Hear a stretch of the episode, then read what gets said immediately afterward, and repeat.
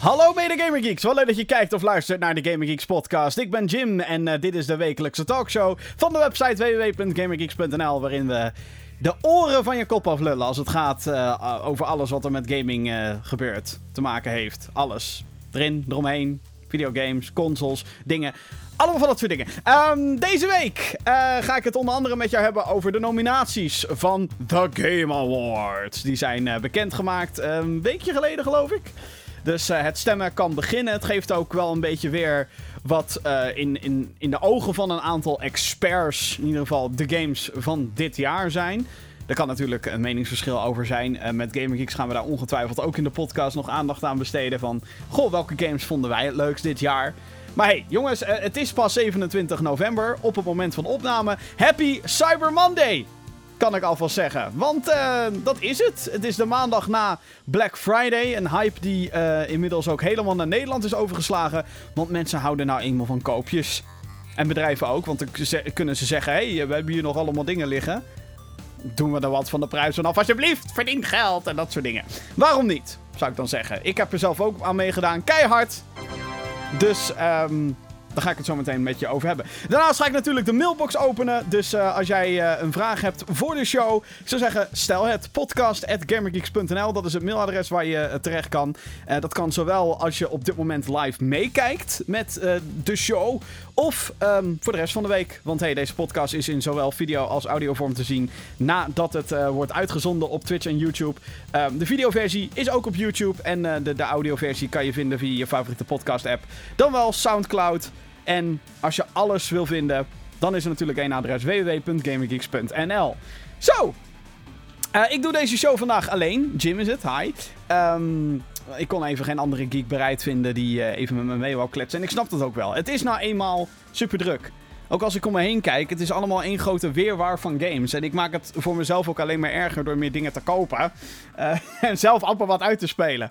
Oh wel, het is me gelukt om iets uit te spelen dit weekend. Of dit weekend, ja, ja, afgelopen weekend.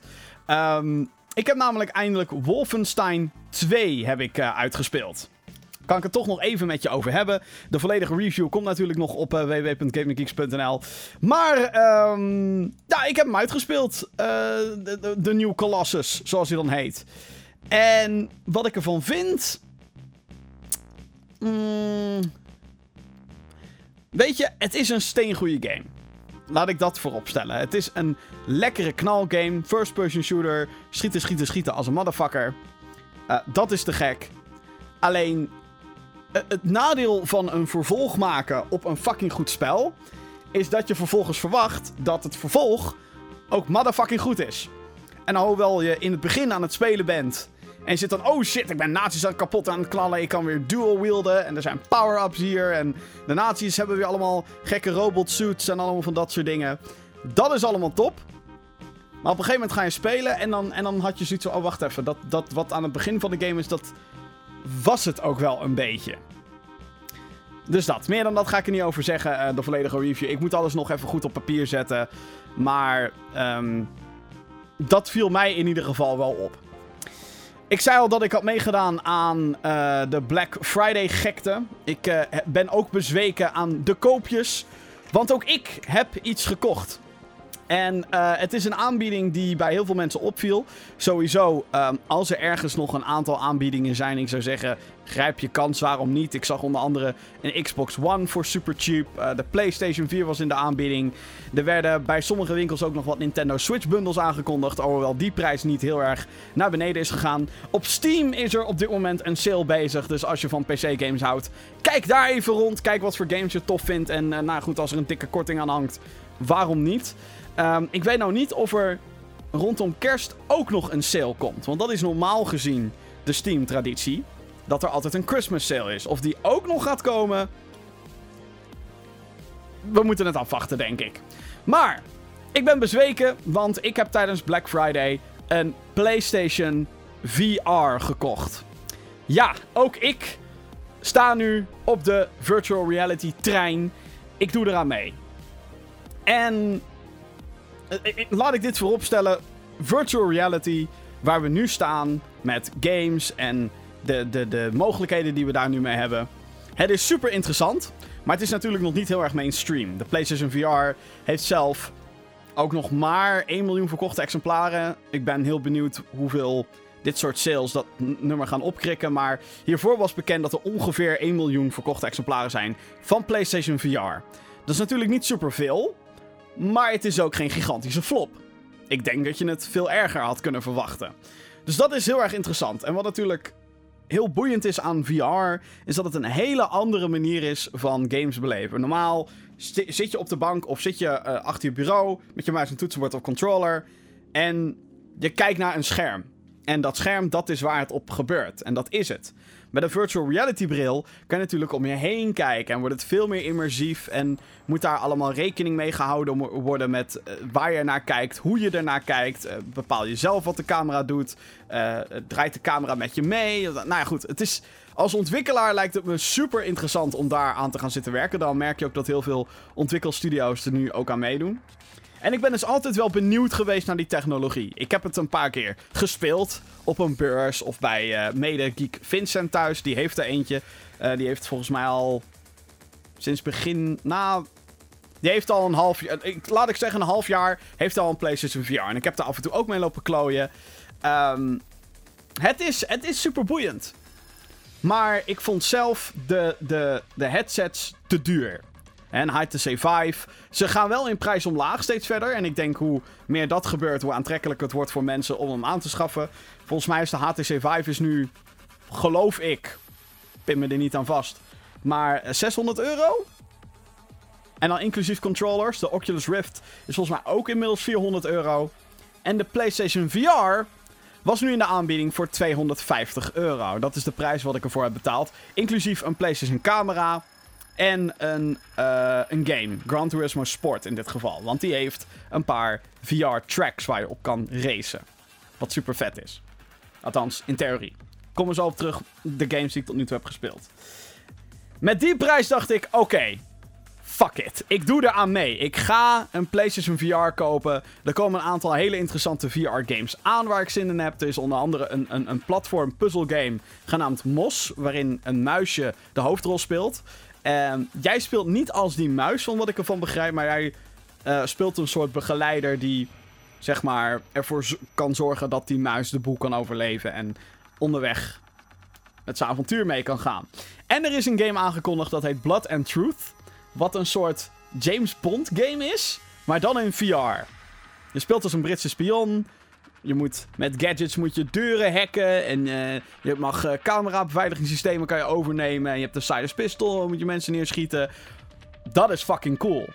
Vooral ook omdat je dan natuurlijk met motion controllers... kan je de boel manipuleren in de wereld om je heen. Laat ik beginnen met... Um, dit is eigenlijk mijn eerste impressies van de PlayStation VR... waar je nu naar gaat luisteren. Ik had er ontzettend veel zin in. Ik pak dat ding uit...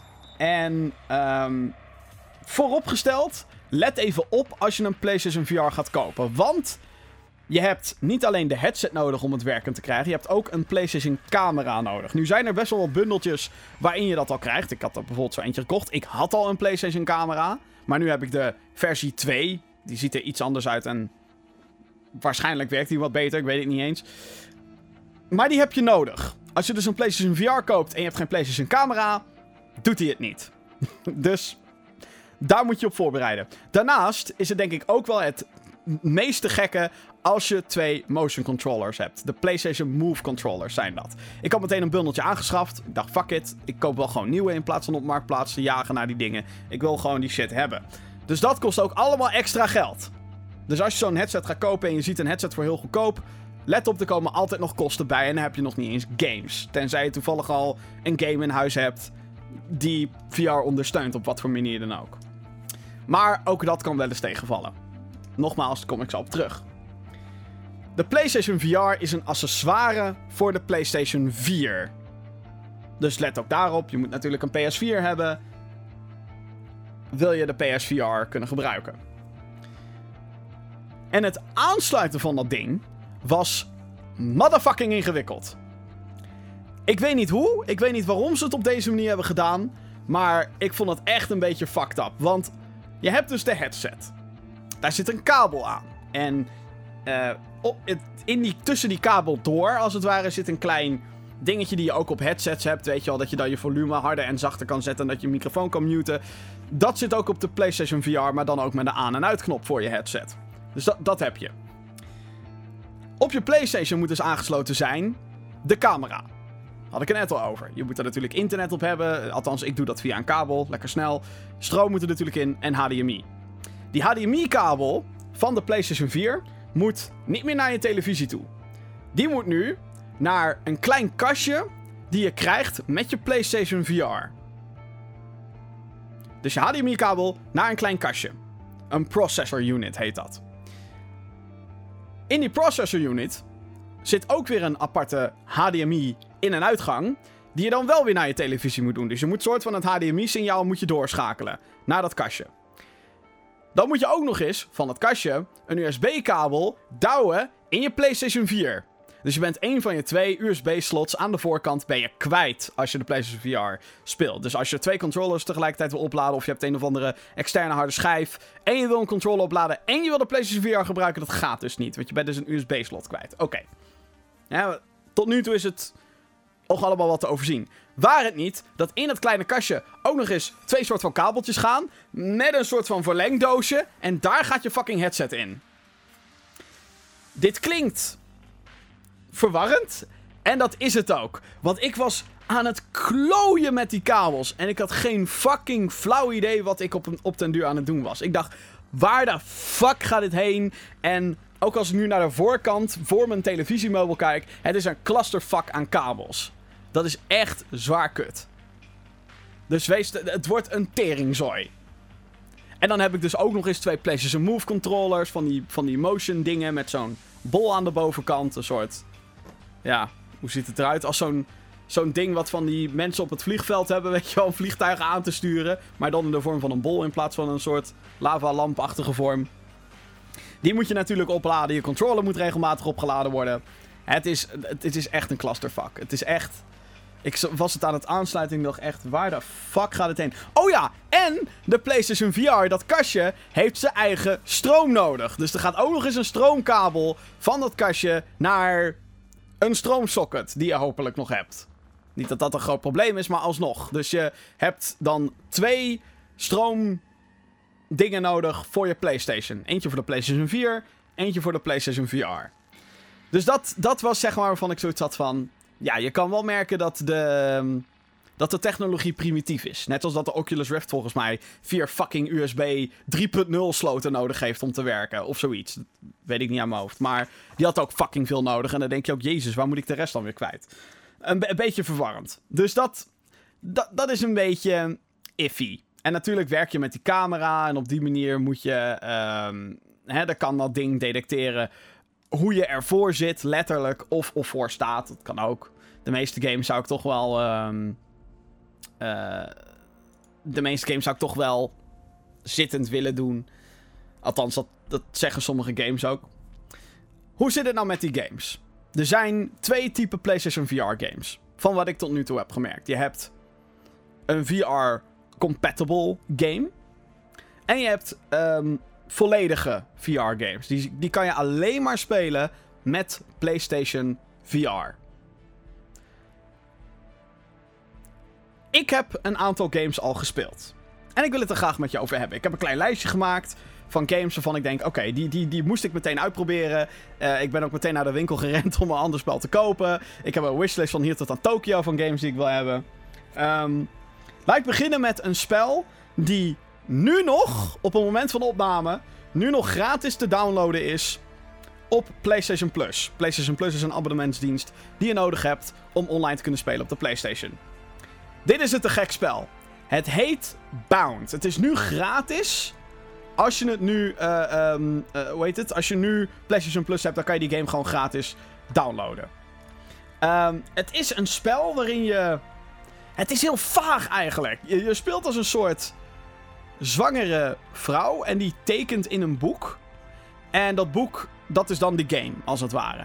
En daarin speel je als een soort balletdanseres die door een hele, ja, blokkerige wereld een soort kwaad moet proberen tegen te houden.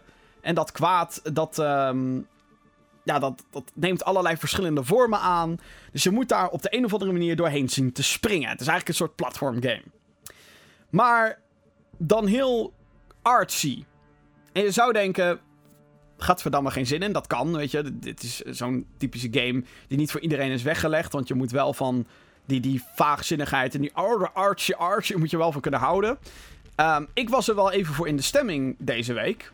En um, ja, toen ik het eenmaal zat te spelen, had ik zoiets van: oké, dit is wel heel vet. En de manier hoe VR hierin werkt. Dit is een game die je zowel met of zonder VR kan spelen. Het is niet vereist. Um, de manier hoe dat werkt is um, dat je de camera bent. Je kijkt echt om de wereld om je heen. En nou is dat wel het minste wat je kan doen met VR. Ik bedoel, het is maar VR, weet je. Het is gewoon gewoon, je kijkt door, naar de game door middel van je headset. Dat is te gek, maar deze game maakt daar heel erg goed gebruik van. Omdat het zo'n. Ja, zo'n grote, doch interessante, mysterieuze wereld is. Het is een game die ook niet heel moeilijk is. Het is gewoon gaan van A naar B en af en toe moet je springen, af en toe moet je op een knop staan. En dat is het. Maar de manier hoe het gepresenteerd wordt is wel heel erg vet. En ik vind het vooral cool dat het een game is die je met je controller kan spelen op een normaal scherm als je dat wil. Maar dus ook met een VR-headset. Wat ik te gek vind. Daarna heb ik Motor 4 even geprobeerd. En Motor 4 is een voorbeeld um, die heel veel games hebben. Heel veel, althans heel veel. Een aantal games op PlayStation. Dan heb je gewoon een game en heb je daarnaast een VR-standje.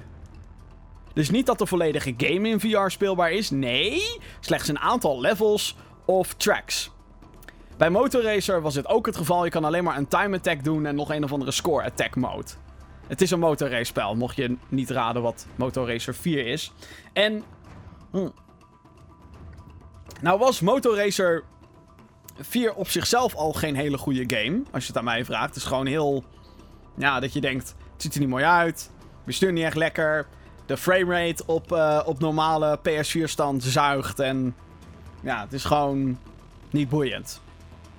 In VR is deze game fucking dramatisch. Want het is de eerste VR-game waar ik zonder gekheid misselijk van werd. Ik heb één race kunnen doen van die game. En de manier. Het is eigenlijk ook heel interessant om dat een keer mee te maken. Omdat je dan merkt: oké, waarom word ik hier misselijk van? Dat is ook wel iets interessants om te weten, denk ik. En het is zeg maar zo dat Motorracer 4 eruit ziet als een PlayStation 2 game in VR. Het ziet er niet uit. Um, en dingen poppen op voor je neus. Terrein komt ineens tevoorschijn voor je neus. En daardoor krijg je een heel, voor mij, heel misselijkmakend gevoel. Dat ik gewoon langs een weggetje rijd en dat ik dan gewoon een, een steen zie omwarpen. Dat ik denk, hè?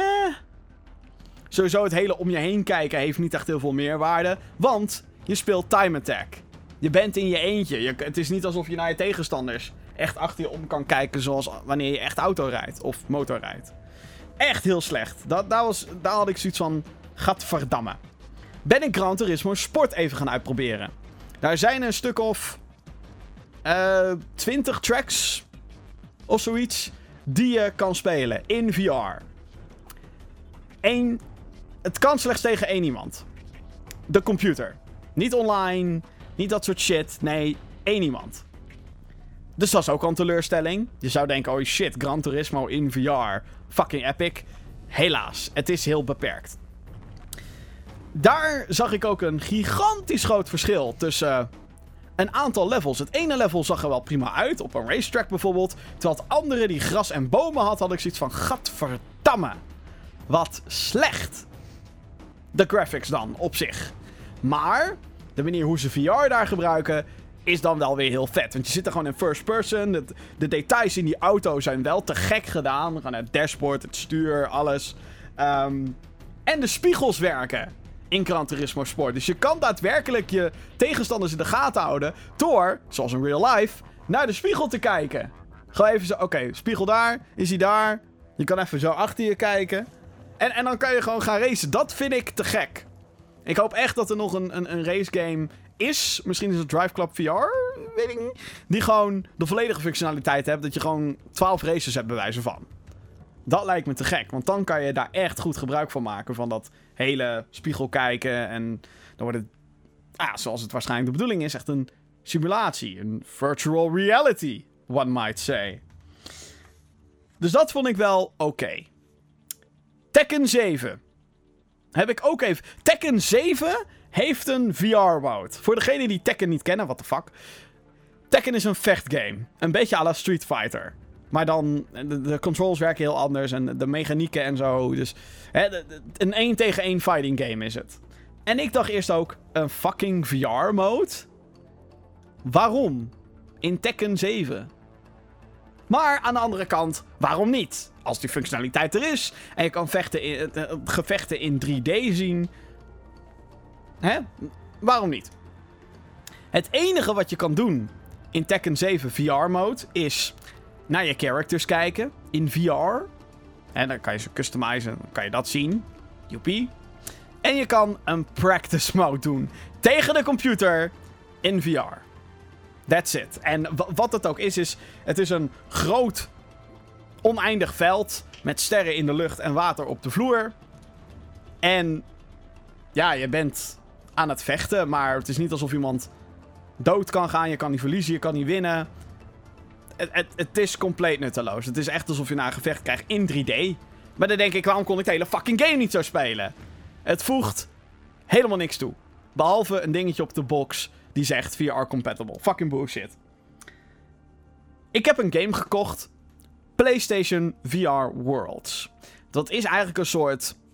Het is de Wii Sports van PlayStation VR. Er staan een paar dingetjes op, zoals Ocean Descent. Een soort filmpje eigenlijk, waarin je in de oceaan bent. En dan komen er allemaal zeewezens, vissen en zo komen er langs. Hartstikke mooi, hartstikke vet. Relaxed ook. En daar uh, zit ook bij de game minigame, kan ik wel zeggen, London Heist. En deze maakt voor mij het beste gebruik van PlayStation VR tot nu toe. Het, het, het, is ook aangeraden om met twee van die motion controllers te spelen. Want wat je daar doet is je, je berooft een diamant ergens en vervolgens moet je zien te ontsnappen. En dan Komt heel veel schieten bij kijken.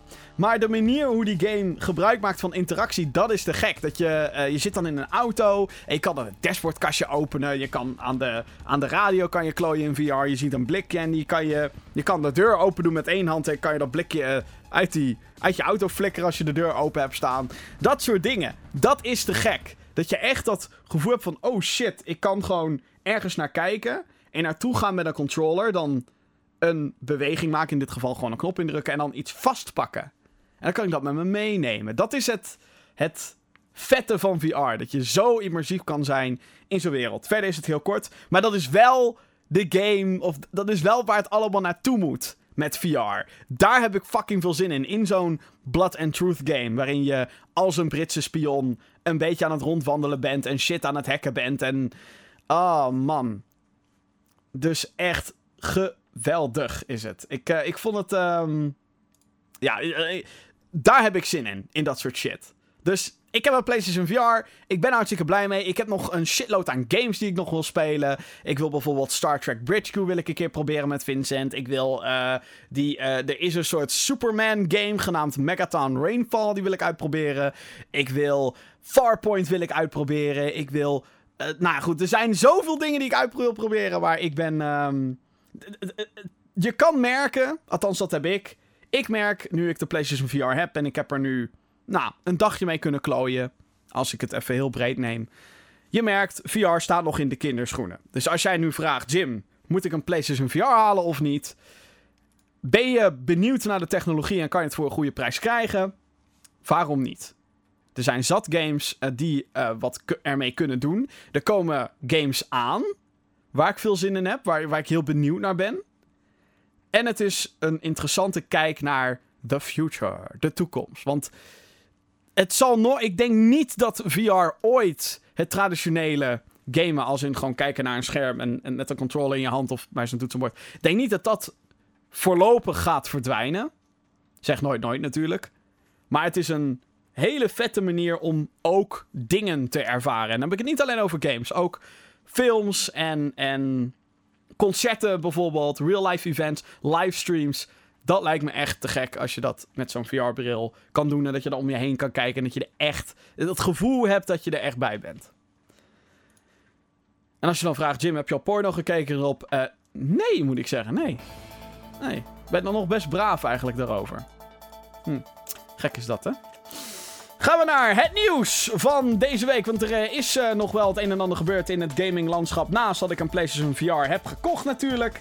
Allereerst, oh jongens, wat, um, wat, wat treurig voor de Marvel fans. Treurig nieuws voor degene die hielden, houden... Oh, en in, inmiddels is het hielden van Marvel Heroes. Dat is een game die lijkt heel erg op Diablo, maar dan met Marvel superheroes. Marvel Heroes is dood! Ja, er is geen andere manier om het, om het te brengen. Uh, de game is dicht. Sloosh. Klaar. Dat werd uh, aangekondigd door Disney en Gazillion Entertainment. Dat is de ontwikkelaar van die game. Um, ja, gewoon Disney wilde er niet meer mee door. En dus hebben ze gezegd: oké, hm, we geven jullie tot 31 december. Uh, degenen die onlangs nog wat hebben gekocht, die, um, ja, die krijgen hun geld terug. En um, je kan van alles nog wat gewoon lekker spelen. Speel gewoon even lekker met die characters nu het nog kan. En dan zou het 31 december ten einde komen. Uh, nou is er een kleine plot twist gebeurd. Namelijk dat um, Disney al heeft besloten de game gewoon weg al lekker te sluiten. Dus het is al, um, het is al dicht. Je kan het al niet meer spelen. En het valt op zich best wel op dat ze dit doen. Um, niet zozeer. Ik weet niet hoe goed de game scoorde overal. Ik weet wel dat er. Marvel Heroes bestaat al jaren. Ik heb het ook in den beginnen nog even geprobeerd. Ik vond het toen een beetje boring. Um, het schijnt wel veel beter te zijn. En je hebt natuurlijk nu een shitload aan meer characters. En je hebt al die Marvel films waar nu crossovers mee zijn. Maar um, ja, ik vond het toen de tijd niet zo boeiend. Uh, heel veel updates gehad. Maar dit jaar nog was er een console-versie. En dat heette Marvel Heroes Omega uit mijn hoofd. En ja, goed, daar, uh, dat, dat mocht niet baten of zo. Kennelijk heeft dat ook niet goed genoeg gescoord, denk ik. Ik weet het niet. Het, het is in ieder geval best opvallend dat het in één keer gone is en dat het nog eerder gesloten wordt dan dat eigenlijk de bedoeling was. Ja, toch best jammer.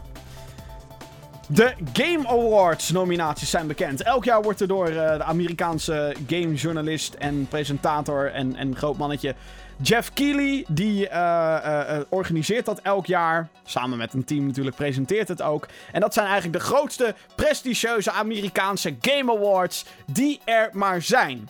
Dus leek het mij wel een leuk idee om even langs alle nominaties te gaan. En jou ja, te vertellen waar ik in ieder geval op ga stemmen. Of wat ik denk dat gaat winnen. En dat is in sommige gevallen wel moeilijk. Als je langs die lijstjes gaat van de Game Awards. Dan hebben we toch eigenlijk wel een verdomd goed jaar achter de rug. Daar, daar, daar, sta ik af en toe nog van te kijken. Van holy shit, er zijn zoveel games. Ik, ik loop fucking hard achter. Er zijn zoveel leuke dingen die ik nog wil spelen. Ah! Oh man. Het, het, is een positief ding om te hebben. Positief. Oké. De Game Awards. Categorieën. Als eerste. Game of the Year. Er zijn een aantal uh, nominaties voor natuurlijk. Eerste nominatie is voor The Legend of Zelda Breath of the Wild. Super Mario Odyssey, Player Unknown's Battlegrounds, Persona 5 en Horizon Zero Dawn. Het is. Oh, pardon, boertje. Het is best wel lastig om te zeggen welke hiervan gaat winnen. Ik denk dat Persona 5 geen enkele kans maakt om te winnen. Het is een Japanse RPG voor de PlayStation. Moet je, eh, daar moet je echt van houden. Geldt natuurlijk voor alle games. Alles is subjectief. Maar eh, niet, het is geen heel breed publiek. Player Unknown's Battlegrounds is wel super populair.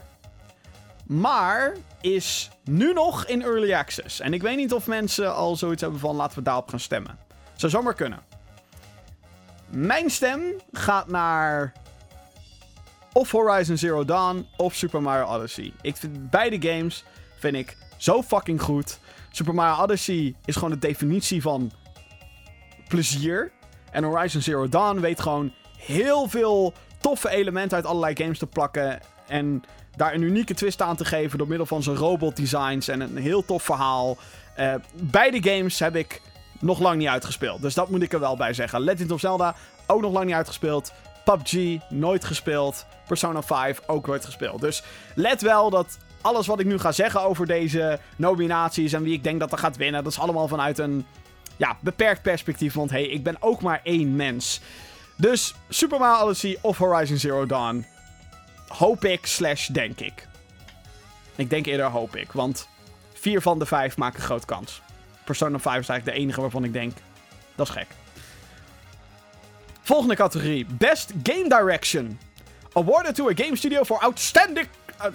Zo, ik verneuk het helemaal. Awarded to a game studio for outstanding creative vision and innovation in game direction and design. Oh ja. Dus. Genomineerden zijn Wolfenstein 2, The New Colossus, Resident Evil 7 Biohazard, The Legend of Zelda Breath of the Wild, Super Mario Odyssey en Horizon Zero Dawn. Hmm. Oké. Uh, ook hier ga ik weer voor Horizon Zero Dawn en Super Mario Odyssey. Um, game Direction. Ik denk dat Resident Evil 7 hier misschien ook wel een kans maakt. Maar then again, ook weer niet zo'n groot publiek. Iedereen kan natuurlijk stemmen. Uh, Wolfenstein 2 maakt denk ik geen schijn van kans. Niet omdat de game direction daar per definitie slecht is. Integendeel zelfs. Maar um, ja, als we dan toch kijken naar innovatie.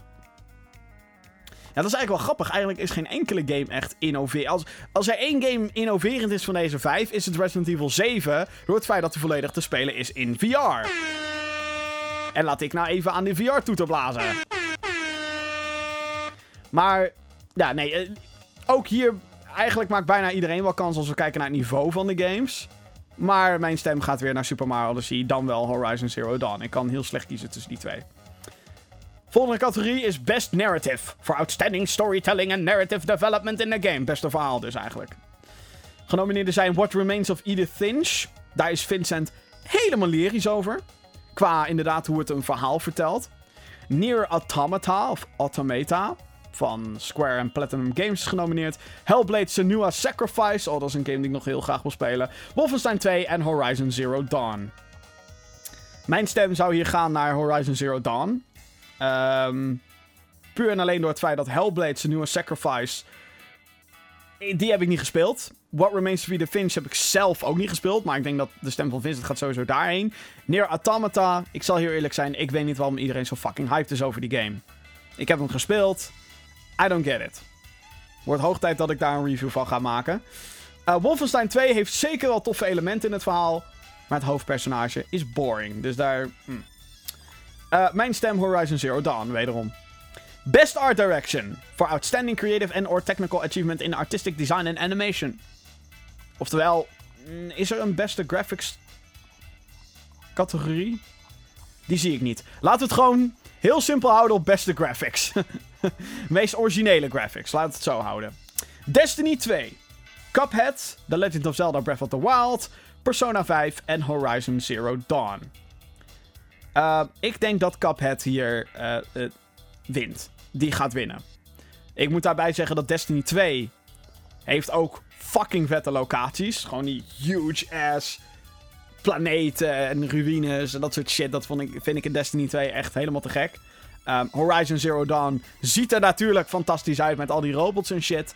Maar de jaren 30 tekens, Disney tekenstijl, überhaupt cartoon tekenstijl van Cuphead ja, die, uh, die moet winnen. Als je aan mij vraagt. Best Score slash Music. Genomineerden zijn Destiny 2, Cuphead, Near Automata, The Legend of Zelda Breath of the Wild, Super Mario Odyssey of Persona 5. Hmm. Ik denk dat um, The Legend of Zelda Breath of the Wild, alhoewel het een mooie soundtrack is, het is niet van uiterst hoge kwaliteit.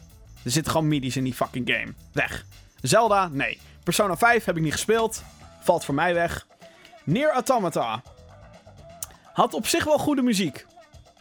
En er zit, zitten een paar tracks in die game die uh, te maken hebben met het plot op dat moment. Is best vet. Niet outstanding of zo voor mij. Cuphead hoor ik heel veel geweldige verhalen over. Super Mario Odyssey heeft een geweldige soundtrack. Maar ik denk dat die van Destiny 2 die is te gek. Daar is helemaal... Oh! Dat is echt uh, Destiny 2. Is mijn stem voor beste muziek. Maar dan hebben we nog Best Audio Design. Nominaties daarvoor zijn Destiny 2, Hellblade, Resident Evil 7, The Legend of Zelda Breath of the Wild en Super Mario Odyssey. Hmm. Nogmaals, voor mij heel lastig oordelen. Ik moet zeggen dat ik... ehm, ik heb een paar uurtjes, of misschien een uurtje Resident Evil 7 gespeeld. En ik bedoel, die game is fucking freaky. En dat was niet in VR trouwens. Ik denk dat ik... Ik wil het heel graag uitproberen, maar ik denk dat ik een fucking hartaanval krijg. Als ik, ehm, als ik die game in VR ga spelen. Desalniettemin een keer het risico waard, denk ik. Ehm, Destiny 2 heeft wel te gekke sound effects. Gewoon de manier hoe die guns klinken, dat is wel top. Eh, Super Mario Odyssey klinkt gewoon fantastisch. Maar om nou te zeggen dat het beste audiodesign ooit is. Hetzelfde geldt voor Zelda, by the way. Ik denk dat heel veel mensen voor Hellblade gaan hier. Omdat het toch heel erg... ehm, van wat ik heb gelezen en heb gehoord... heb gehoord, haha. Leuk woordgrapje. Ehm, is dat toch wel waar heel veel mensen het vaak over hebben. Dus Hellblade of Destiny 2 voor mij. Denk ik. Best Performance. Oftewel, beste voice actor. Genomineerden daarvoor zijn Melina Jurgens als Senua in Hellblade. Laura Bailey als Nadine Ross in Uncharted The Lost Legacy. Claudia Black als Chloe Fraser in Uncharted The Lost Legacy. Brian Bloom als BJ Blazkowicz in Wolfenstein 2. En Ashley Birch als Aloy in Horizon Zero Dawn. Mijn stem gaat natuurlijk naar fucking Horizon Zero Dawn. Is de enige game... ehm, nee, niet de enige game die ik heb gespeeld van deze categorieën. Wolfenstein 2 heb ik ook gespeeld. Eh, Brian Bloom deed het goed als BJ Blazkowicz, maar ehm, het is ook niet echt bepaald een rol waar je best performance mee kan winnen überhaupt. Dus eh, Uncharted The Lost Legacy heb ik overigens ook niet gespeeld. Dus ehm, nee, mijn stem gaat naar Ashley Birch voor Aloy in Horizon Zero Dawn. Voor mij een best logische keus. Maar goed, meningen verschillen daar natuurlijk over en dat is logisch. Volgende. Eh, Games for Impact. Je zou kunnen zeggen beste indie game.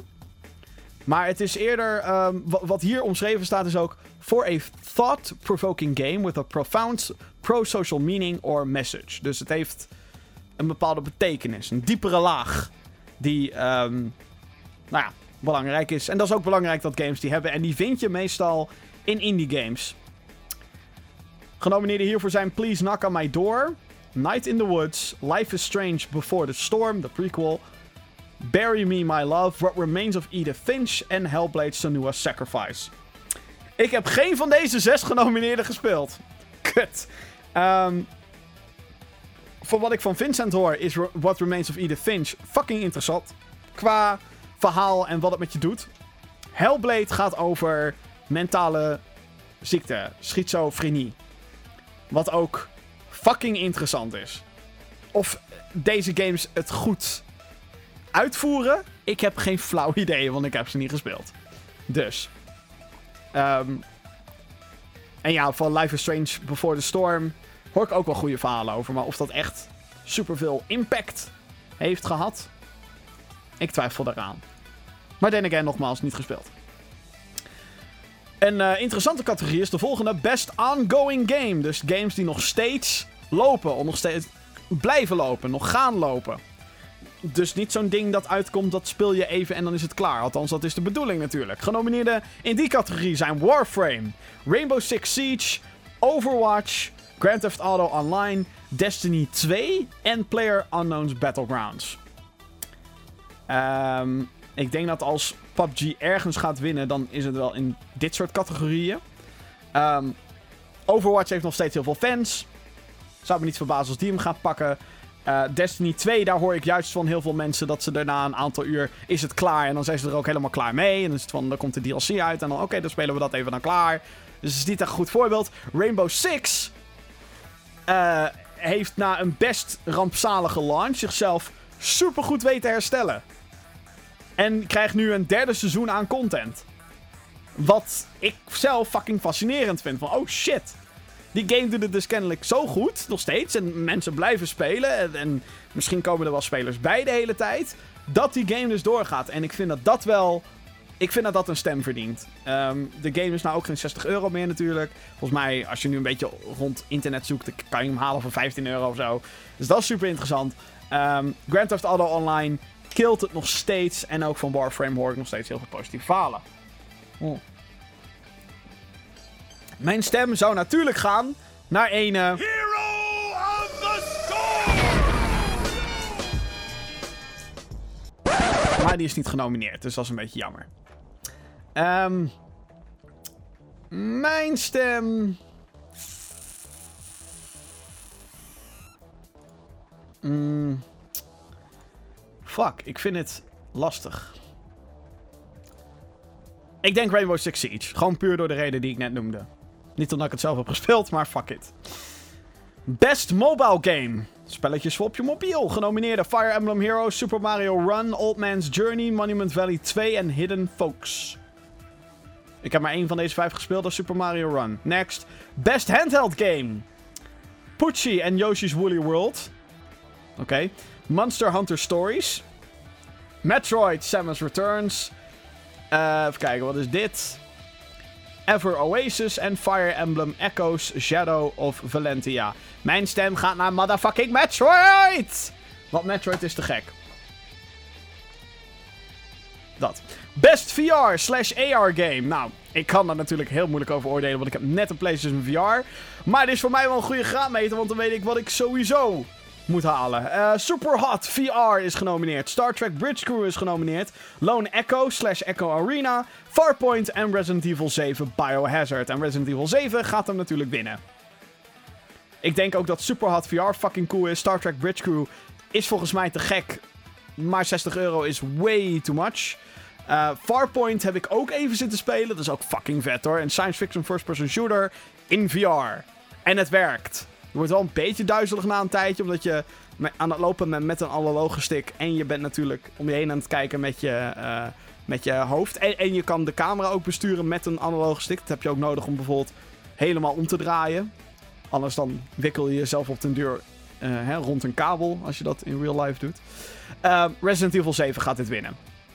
Ik denk van alle games die hier zijn. Ja. Dan, Best Action Game. Um, dat is een game met de nadruk op combat. Die dan zou moeten winnen. Prey is genomineerd, opvallend. Neo, Destiny 2, Cuphead en Wolfenstein 2. Ik denk dat daar Neo gaat winnen. Um, mijn stem zou gaan naar. Ik denk Wolfenstein 2. Maar dat is ook omdat dat. Ik heb Destiny 2 natuurlijk gespeeld. Ik heb Prey, heb ik, heb, er staat een review van op GamingGeeks.nl. Uh, ja, ik vind de combat daar dus een beetje het zwaktepunt van de game. Niet dat het super slecht is of zo, maar... Het is juist die hele wereld van Prey en dat je alles gaat ontdekken. Dat is vet aan Prey, niet de actie. Dus vandaar dat ik hem... No way dat ik hem daarvoor kan nomineren. Best Action Adventure Game. Combining combat with traversal and puzzle solving. Dat is de definitie van de Game Awards. Genomineerden zijn Uncharted The Last Legacy... Assassin's Creed Origins, The Legend of Zelda Breath of the Wild, Super Mario Odyssey en Horizon Zero Dawn. Fuck! Hoe de fuck moet je hier tussen kiezen? Uncharted heb ik niet gespeeld. The Legend of Zelda Breath of the Wild boeide mij niet genoeg. Die twee vallen voor mij af. Assassin's Creed Origins is fucking goed. Super Mario Odyssey is fucking goed. Maar mijn stem gaat naar Horizon Zero Dawn. Omdat hij juist al die dingen op een geweldige manier combineert. Maar Assassin's Creed Origins, though, ook supergoed. Damn. Categorie Best Role-Playing Game. For the best game designed with rich player character customization and progression, including massively multiplayer experiences. Genomineerden zijn South Park The Fractured Butthole, Final Fantasy XV, Divinity Original Sin 2, Near Automata, really, en Persona 5. Mijn persoonlijke stem gaat uit naar South Park, omdat ik South Park fan ben. Fucking fanboy ben ik potentiële winnaars zijn, denk ik, Final Fantasy XV en Divinity Original Sin 2. Ik hoor vooral over Divinity fucking praise over het hele internet. Iedereen vindt dat fantastisch, die game. Ik heb het niet gespeeld. Best Fighting Game. Tekken 7 is genomineerd. Nidhogg 2, Marvel vs. Capcom Infinite, Injustice 2 en ARMS. Kijk, ik ben zelf een Tekken fanboy, dus mijn stem gaat sowieso naar Tekken. Uh, alhoewel, Injustice 2 was te gek dit jaar. En de Season Pass content die daarna is gekomen. Voor allerlei characters. Uh, de Teenage Mutant Motherfucking Ninja Turtles komen in Injustice 2. Die game gaat winnen. Denk ik. Best Family Game. Genomineerd. Splatoon 2. Let op, dit zijn allemaal platforms die thuis horen op... op, uh, of uh, allemaal platforms. Dit zijn allemaal games die thuis horen op, op een Nintendo-platform. Splatoon 2. Exclusive voor Nintendo. Sonic Mania, speelt fantastisch op Switch. Mario plus Rabbids Kingdom Battle. Mario Kart 8 Deluxe en Super Mario Odyssey. Super Mario Odyssey gaat dit natuurlijk winnen, hands down. Best Strategy Game. XCOM 2 War of the Chosen, Tooth and Tail, Total War Warhammer 2, Halo Wars 2 en Mario plus Rabbids Kingdom Battle. Het zou mij dus fucking te gek lijken als Mario plus Rabbids Kingdom Battle dit wint. Die game is heel leuk. Uh, is niks mis mee. Is het de beste strategy game ever? Tuurlijk niet. Is het super fun en is het super charmant? Ja. Dus ja, mijn stem gaat daarin. Ook omdat het trouwens de enige is van alle genomineerden die ik heb gespeeld. Best Sport slash Racing Game. Project Cars 2. Pro Evolution Soccer 2018. NBA 2K18. Fuck off. Die shit zit vol met microtransactions. GT Sport. Gran Turismo is dat. Forza Motorsport 7 en FIFA 18. Het is dat dit Amerikaanse awards zijn. Anders had ik gezegd, yo, FIFA 18 wint. Ik denk dat Forza gaat winnen. Of Project... Ik vind het sowieso raar om sport en racen bij elkaar neer te flikkeren. Ik weet het, autosport. Maar ja, ik vind het een ander genre. Persoonlijk. Um, ik denk dat Forza dit gaat winnen. Maar dat is een gokje. Als ik uit moet gaan van Nederlandse stemmen, dan wint FIFA. Maar nogmaals, dit zijn Amerikaanse awards. Dus. Best multiplayer. Genomineerd zijn Fortnite, Call of Duty World War II, Splatoon 2, Mario Kart 8 Deluxe, Destiny 2 en Player Unknown's Battlegrounds. Die laatste gaat winnen. Denk dat daar geen twijfel over mogelijk is. Die game is zo populair vanwege de multiplayer. Het is ook de enige shit die je daar doet.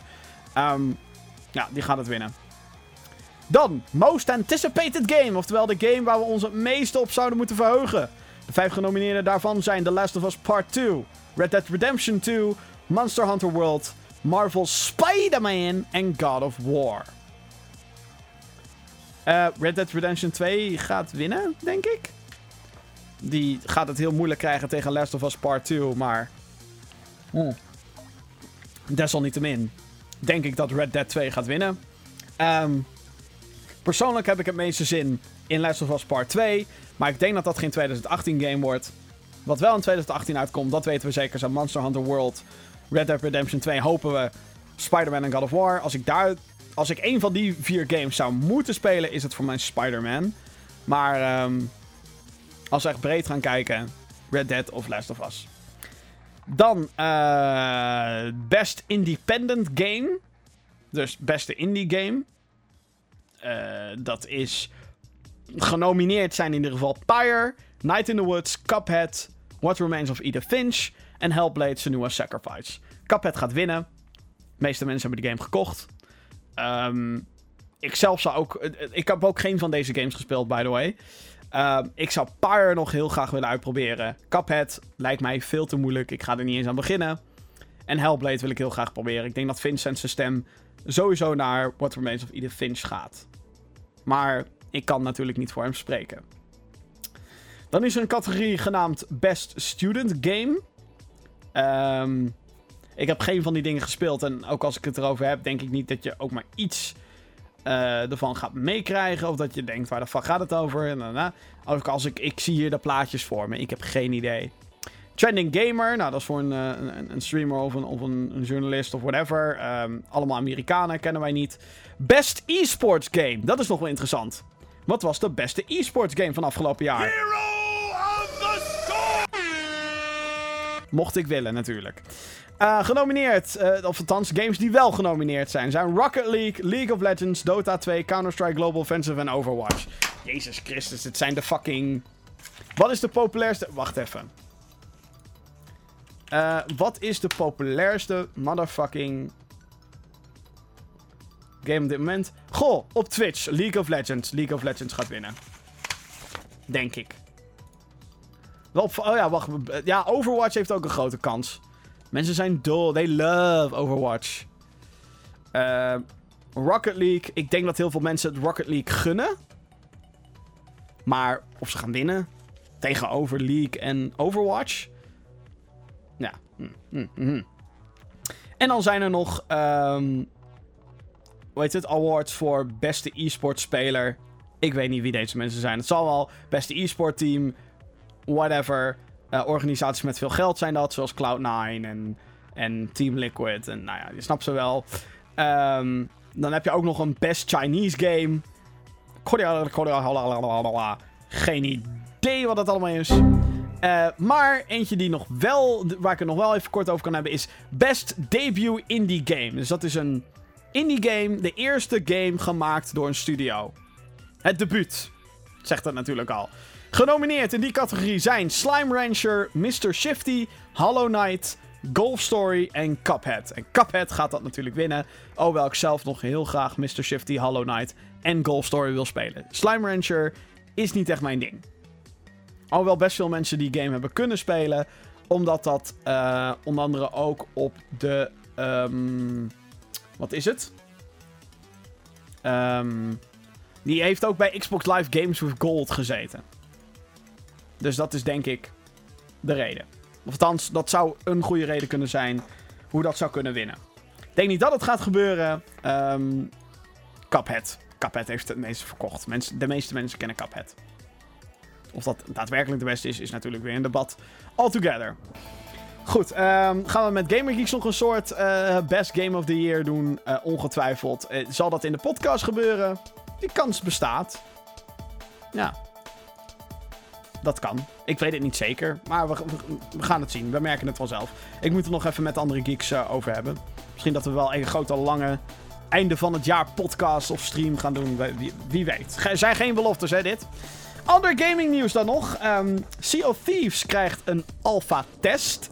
Dat is een piratengame uh, gemaakt door Rare. Ooit, die studio stond ooit bekend als de makers van Donkey Kong Country en Banjo-Kazooie. Zijn ze al lang niet meer, zitten nu bij Microsoft. Sea Thieves uh, komt, moet ergens volgend jaar uitkomen voor de Xbox One en Windows 10. Uh, en deze alpha-test is open voor iedereen. Wat je wel even moet doen, is je aanmelden via de website van Sea of Thieves. En dan moet je een klein onderzoekje invullen van... Yo, ik ben zo oud. Dit soort games speel ik. Hier speel ik op. Ik game zoveel. Whatever. En dan hebben ze weer een marktonderzoekje. En dan kunnen ze weer zeggen... Oh, hey, diegene op dat IP-adres... waar we eigenlijk toch al alle info van weten... Uh, nou, die doet nu ook dat. Rustig. maar um, er komt dus een alpha-test. En ik heb er best veel zin in. Want ik heb die game sinds Gamescom 2016 niet meer gespeeld. Lijkt me fucking vet. Gewoon met je eigen piratencrew, mateys, where, where's the rum gone en dat soort shit. Dan nieuws over EA! We hebben natuurlijk het lootbox-schandaal gehad rondom Star Wars Battlefront 2. De saga lijkt mij niet op te houden als het gaat om die motherfucking lootbox. Oh god, wat is er nou weer aan de hand? Is er weer een of andere Belgische minister die de boel wil gaan verbieden? Zijn er nog meer kansspel, autorisatie, organisatie, dingers die shit willen verbieden? Gaan de games voor goed veranderen? Geen idee. Wat ik wel weet... oh, wat erg! Ja, precies. Uh, en... Uh, nee, die wil ik... Oh, wat erg! Oh, wat erg! Hij doet me juist de knopje niet. Ik vind... Die, hè, jezus. Die Elgato Stream Deck, jongens, ik zou er toch even aan twijfelen. Dus, uh... Oh, wat erg! Oh, nu doet hij wel de juiste. Oké. Okay. EA past namelijk ook lootboxes aan in Need for Speed Payback. Een racegame. Um, daar kwam ook nogal wat gezeik over, omdat je daar dus ook... Daar kon je car cards verdienen, of... Ja, car cards, hoe moet ik het anders? Autocards. Dat die maakte je auto in ieder geval beter. En die dingen kon je natuurlijk ook in lootboxes krijgen. Geef ons geld! Dat is wat EA dacht. Um, ze gaan het lootbox systeem ook daarin aanpassen. Waar het eigenlijk op neerkomt, van wat ik ervan heb gelezen, is dat je meer shit in-game krijgt. Waardoor het kopen van lootboxes minder snel nodig is. Alsnog bullshit dat het in een fucking Need for Speed game zit. Flikker op! Dan als laatste nieuwtje. Uh, Undead. Oh ja, um, Bloodborne. Het gaat over motherfucking Bloodborne. Wanneer krijgen we daar weer een nieuwe van, jongens? Ik wil een nieuwe Bloodborne. Holy shit. Geef mij een Bloodborne. Want Bloodborne is te gek. Als je die game nog niet gespeeld hebt. Op de PlayStation 4. Fucking vette. Hack-and-slash action RPG game. Ik moet die echt weer een keertje gaan spelen. Heb ik er tijd voor? Nee, maar wil ik wel. In ieder geval, uh, er, worden, er nog steeds dingen ontdekt in die game. Bloodborne kwam drie jaar geleden uit. En een vijand die ooit in een trailer verscheen, de Undead, de Undead Giant, die is ontdekt in de game. Het heeft ze drie jaar gekost, de spelers.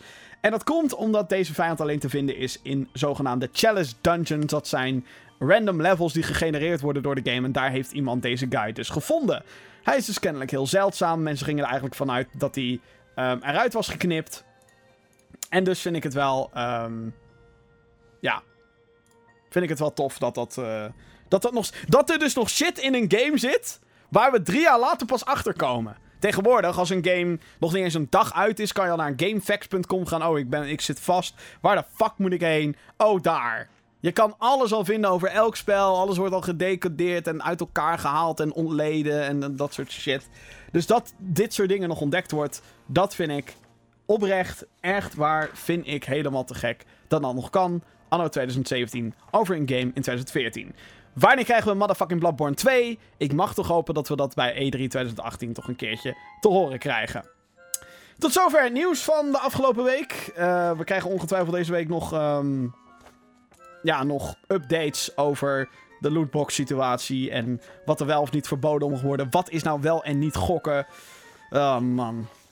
Overigens vind ik Star Wars Battlefront 2 naast het lootbox gebeuren. Die je overigens nu niet meer kan kopen, want het is er nu tijdelijk uitgesloopt. Ik vind het best een leuk spel.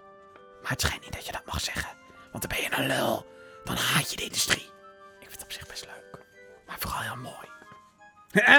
De mail, podcast.gaminggeeks.nl. Dat is het mailadres waar jij jouw vragen naartoe kan sturen. Dat kan live tijdens de show. Dat kan natuurlijk ook gewoon als de show al online staat. Want hey, de hele week is die mailbox gewoon open. Kwesties over games, eh, vragen, eh, andere dingen die met geek shit te maken hebben. Ik zou zeggen, mail het podcast.gaminggeeks.nl. Pak ook mijn mailbox er even bij. Eh, ik kreeg al een mailtje van Peter. Hallo Jim en of andere geek. Nou, die is er vandaag niet bij. Boehoehoe. Ehm, wat is jullie mening over eh, The Witcher 3 en de DLC's? Hebben jullie, en hebben jullie hem al gespeeld slash uitgespeeld? Echt de beste singleplayer experience die ik ooit heb gehad. En die DLC's zijn ook nog eens 100% geld waard naar mijn mening. Weet je wat me altijd verbaast van dit soort mailtjes? Niet om, je, om iedereen aan te vallen hoor. Ehm, het hele wat vind jij van is altijd zo. Wat vind je van game X? Wat vind je van game Y? Als ik vaak al wat over een game te zeggen heb, dan vertel ik dat. In de podcast. Als het, zeker als het over een recent spel gaat. Dus niet, niet om mensen aan te vallen, maar. Nou goed.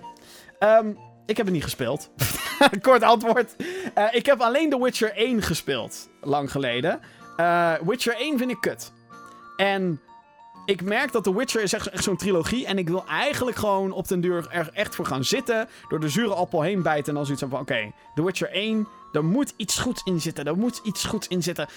En dan daardoor heen gaan. Dan naar The Witcher 2 en dan naar The Witcher 3. Dan ben ik waarschijnlijk 14 jaar verder voordat ik, voordat ik dat ooit heb uitgespeeld. Maar dat lijkt me wel vet. Eh, het ziet er in ieder geval geweldig uit. Vincent, die heeft hem wel gespeeld. Die vond hem helemaal te gek. Beste geeks, wat vinden jullie van race games? En wat vinden jullie zo leuker? Een arcade racer, zoals een Need for Speed Payback. Met motherfucking lootboxes. Of, nou, motherfucking lootboxes stond niet in de mail, moet ik zeggen. Of een simulator zoals Gran Turismo Sport. Want vrienden goed, Floris. Nou, Floris, eh, ik ben vaak van het lekkere overdreven. Dus eh, geef mij maar een, een Mario Kart. Geef mij maar een Burnout. Geef me een Burnout, jongens. Waar blijft Burnout? Ik ben eigenlijk niet zo'n supergroot racefan. Een racegame op zijn tijd vind ik wel lekker. Hè, gewoon eh, nu bijvoorbeeld inderdaad, er is een niet for speed. Ik heb een code. Ik heb hem geïnstalleerd staan op mijn computer. Ik moet hem nog spelen. Ehm, nou, VR race games lijkt me te gek. Gran Turismo heb ik ook geïnstalleerd staan op mijn PlayStation dus. Ehm moet ik ook even in, gaan klooien. Ik merk vaak wel dat ik bij realistische games... of een simulator zoals een Gran Turismo of een eh, Forza... normale, de motorsport... daar haak ik best snel af. Omdat ik daar vaak zit van... ja, oké, als ik wil racen ga ik wel naar zand. Nou, oké, dat is ook overdreven natuurlijk, maar... Hè, ik, ik, ik zoek graag naar... In dat aspect heb ik zoiets van... Oh ja, lekker, even auto's rammen, overdreven driften... Ridge Racer, it's Ridge Racer, Ridge Racer. Dat vind ik te gek. Dat vind ik leuk. Mario Kart is helemaal... Maar heel veel mensen vinden dat dan weer geen great game. Maar nogmaals, jongens, kom met een nieuwe Burnout. Hmm. Maar goed, we moeten het doen met Need for Speed, denk ik. Senna die heeft eh, gemaild. Wat is jouw mening over Destiny 2? Vind je het aanraden? En heb je al gehoord over het free weekend? Ik heb nog niet gehoord over het free weekend. Ehm, ik vind Destiny 2 op dit moment wel leuk. Ik merk dat eh, ik loop heel erg achter wat betreft Destiny 2. Ik speel hem op de PC trouwens. Ehm, ik merk dat heel veel. Alle mensen om mij heen die de game hebben gespeeld, hebben hem dus al uitgespeeld. En zijn er een soort van klaar mee. Dus dan moet ik mensen soort van naar die servers trekken. Moet ik er een soort las overheen gooien. En dan kom naar de servers van Destiny 2. Ik wil niet in mijn eentje. Want in mijn eentje vind ik het best wel boring eigenlijk. Het ziet er prachtig mooi uit. Het klinkt geweldig. Destiny 2, ik vind het echt wow. Gewoon die. Gewoon alles wat er gebeurt. En, en de grootte en die planeten. Dat vind ik helemaal te gek.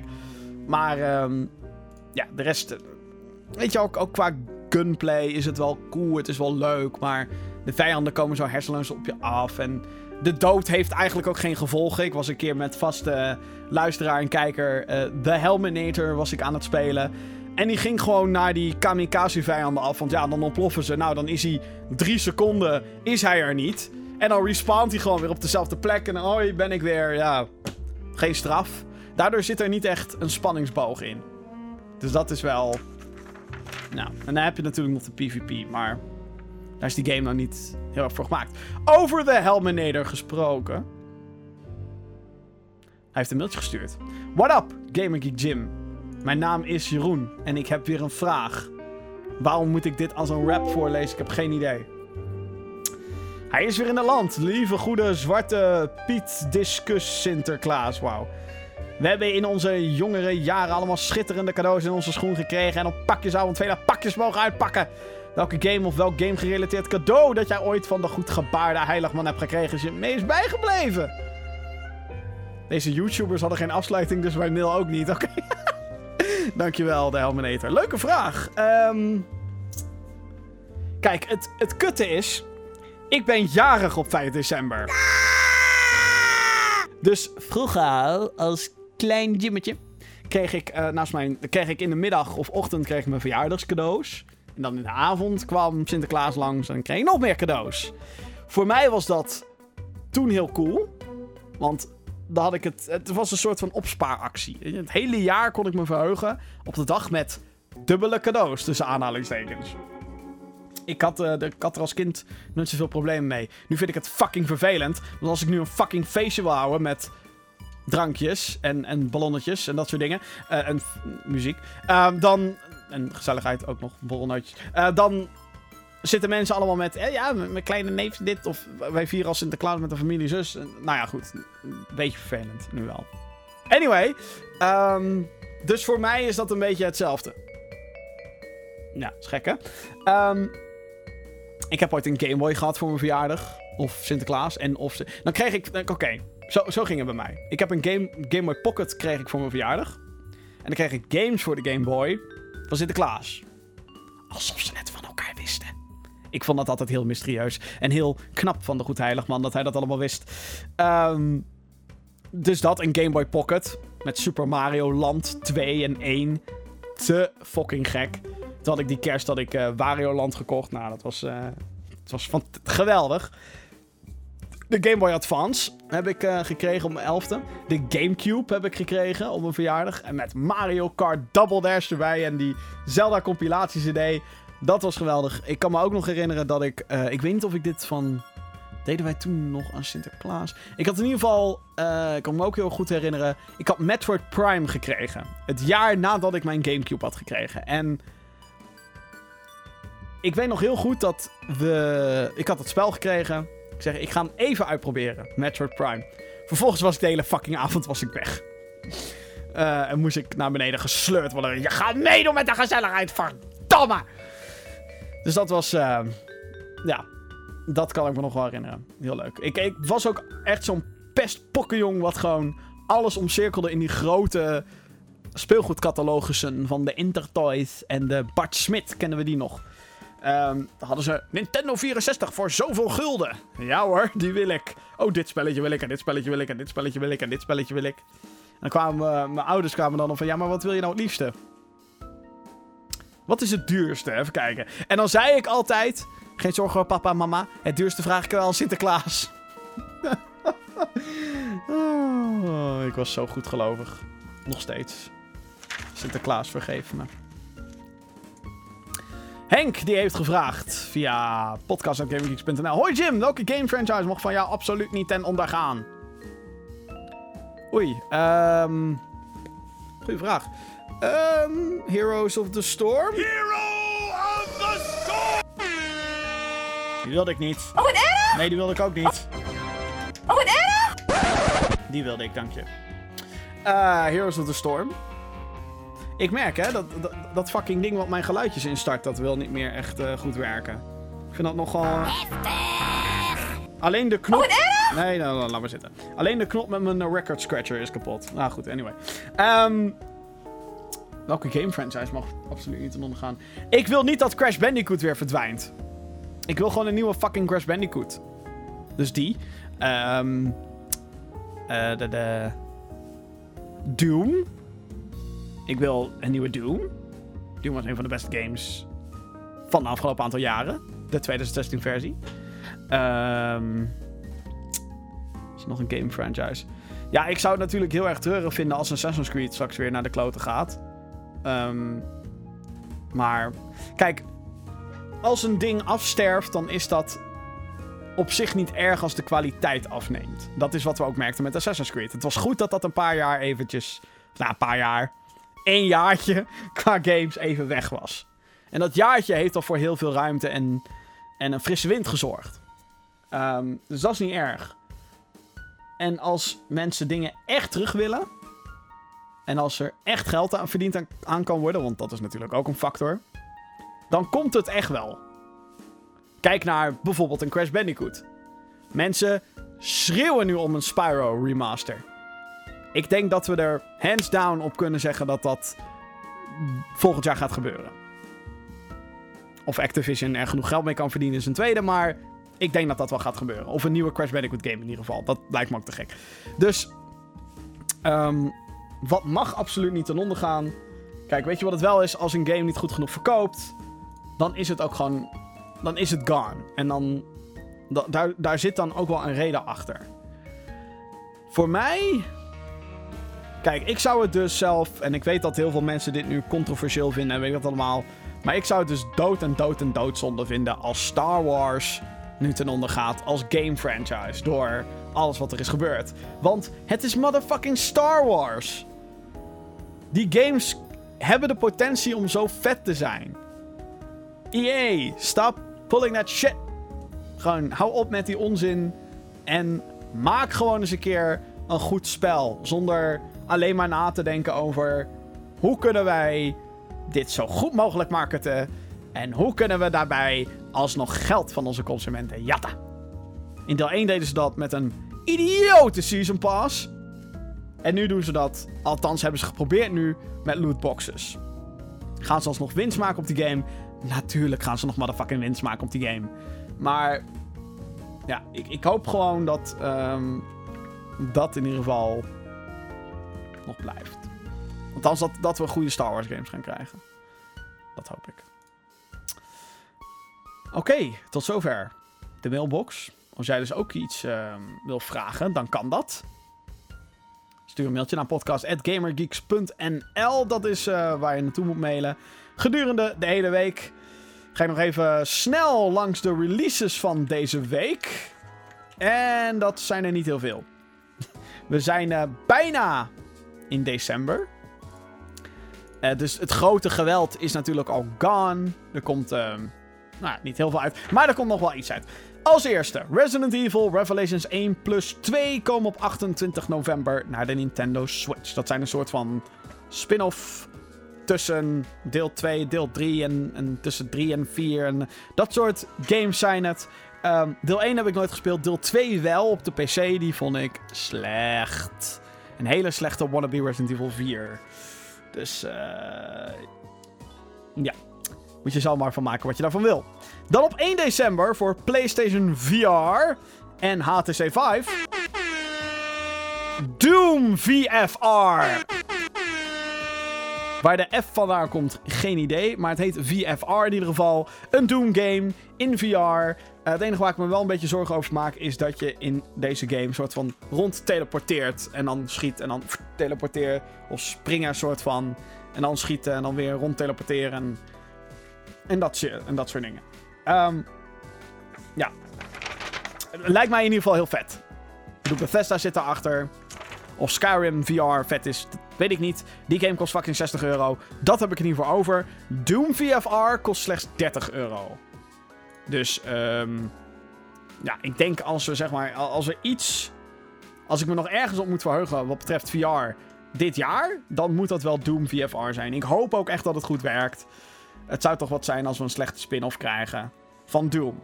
Die game is fantastisch. Doom 2016. Als je die nog niet hebt gespeeld, fucking ga dat kopen, gek. Of spelen, sorry. Dan Xenoblade Chronicles 2 komt op 1 december naar de Nintendo Switch. Een eh, Japanse RPG is dat. Ik ben eh, zelf. Ik weet niet, Xenoblade trekt me niet echt aan. Het is. ehm, ik weet niet, het is misschien te Japans of zo. Misschien ben ik, het, ben ik gewoon geen fan meer van Japanse RPG's. Vroeger had ik er op zich niks op tegen, maar. Nu heb ik zoiets van, nou ja, het zal allemaal wel. Ik vond de trailers van Xenoblade Chronicles 2 heel slecht. Maar goed, misschien snap ik het ook gewoon allemaal niet. Dat zal het wel zijn. Ehm, er zijn in ieder geval wel mensen die zich er nog op verheugen. Dus voor die mensen met een Switch die een Japanese RPG willen, Xenoblade Chronicles 2 dus op 1 december. Hè, hè? Toch nog langer dan een uur geworden deze show. Ik vind het knap. Ehm, ja, dit was hem. De Gaming Geeks podcast. eh, De, de 27... Heb ik dat goed? De, zeven- de 27e aflevering alweer. Ehm, als je meer wilt zien, horen, meningen, dingetjes.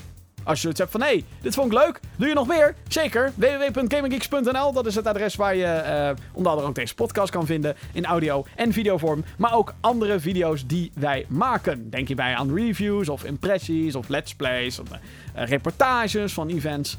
Eh, daar staat onder andere mijn Rage review over Bubsy The Woolly Strike Back. Een game die ik in anderhalf fucking uur heb uitgespeeld. En zelfs dat anderhalf uur wil ik terug. Ga dat kijken als je van boze mensen houdt. Ehm, Vincent was teleurgesteld in de eh, Call of Duty World War 2 Launch Party Vissa. Ehm, die reportage kan je kijken. En mijn impressies over onder andere Super Mario Odyssey, Wolfenstein 2 en Assassin's Creed Origins staan allemaal online. Dus als je wil weten wat ik van de Big 3 vind, dan eh, nou ja, is dat ja, de rest. www.gamergeeks.nl Ook natuurlijk het YouTube-kanaal, Twitter, we zijn overal te vinden. Ga ik deze week nog een video maken? Eh, ligt er natuurlijk aan of ik een beetje tijd heb. Maar ik wil zeker wel eh, kijken of ik eh, mijn impressies van Wolfenstein 2 in een review kan stoppen. Ik heb de game nu uitgespeeld. Ik ga nog wat zijdingetjes klooien. En dan eh, heb ik mijn conclusie wel klaar, denk ik, daarover. Er zijn nog andere games op die ik op stapel heb liggen. Waarvan ik van sommige al weet. Oké, ik kan er een review over maken. Alleen een review maken. Een video review kost allemaal tijd. Het is gewoon tijd, jongens. Maar, maar er is zo weinig van. Helaas. Ehm, en ik kan natuurlijk nog impressies eh, eh, maken van Call of Duty, World War II en Star Wars Battlefront. Dus hoe dan ook, ehm, vermaken, dat zul je zeker. Gewoon naar de website toe gaan. www.gamergeeks.nl Oké mensen, dit was de Gamer Geeks podcast. Nogmaals, hartstikke bedankt voor het kijken en luisteren. En dan wel luisteren en of, kan allebei. Eh, vergeet niet te mailen, podcast.gamergeeks.nl de rest van de week. Ehm, tot de volgende keer. Doeg!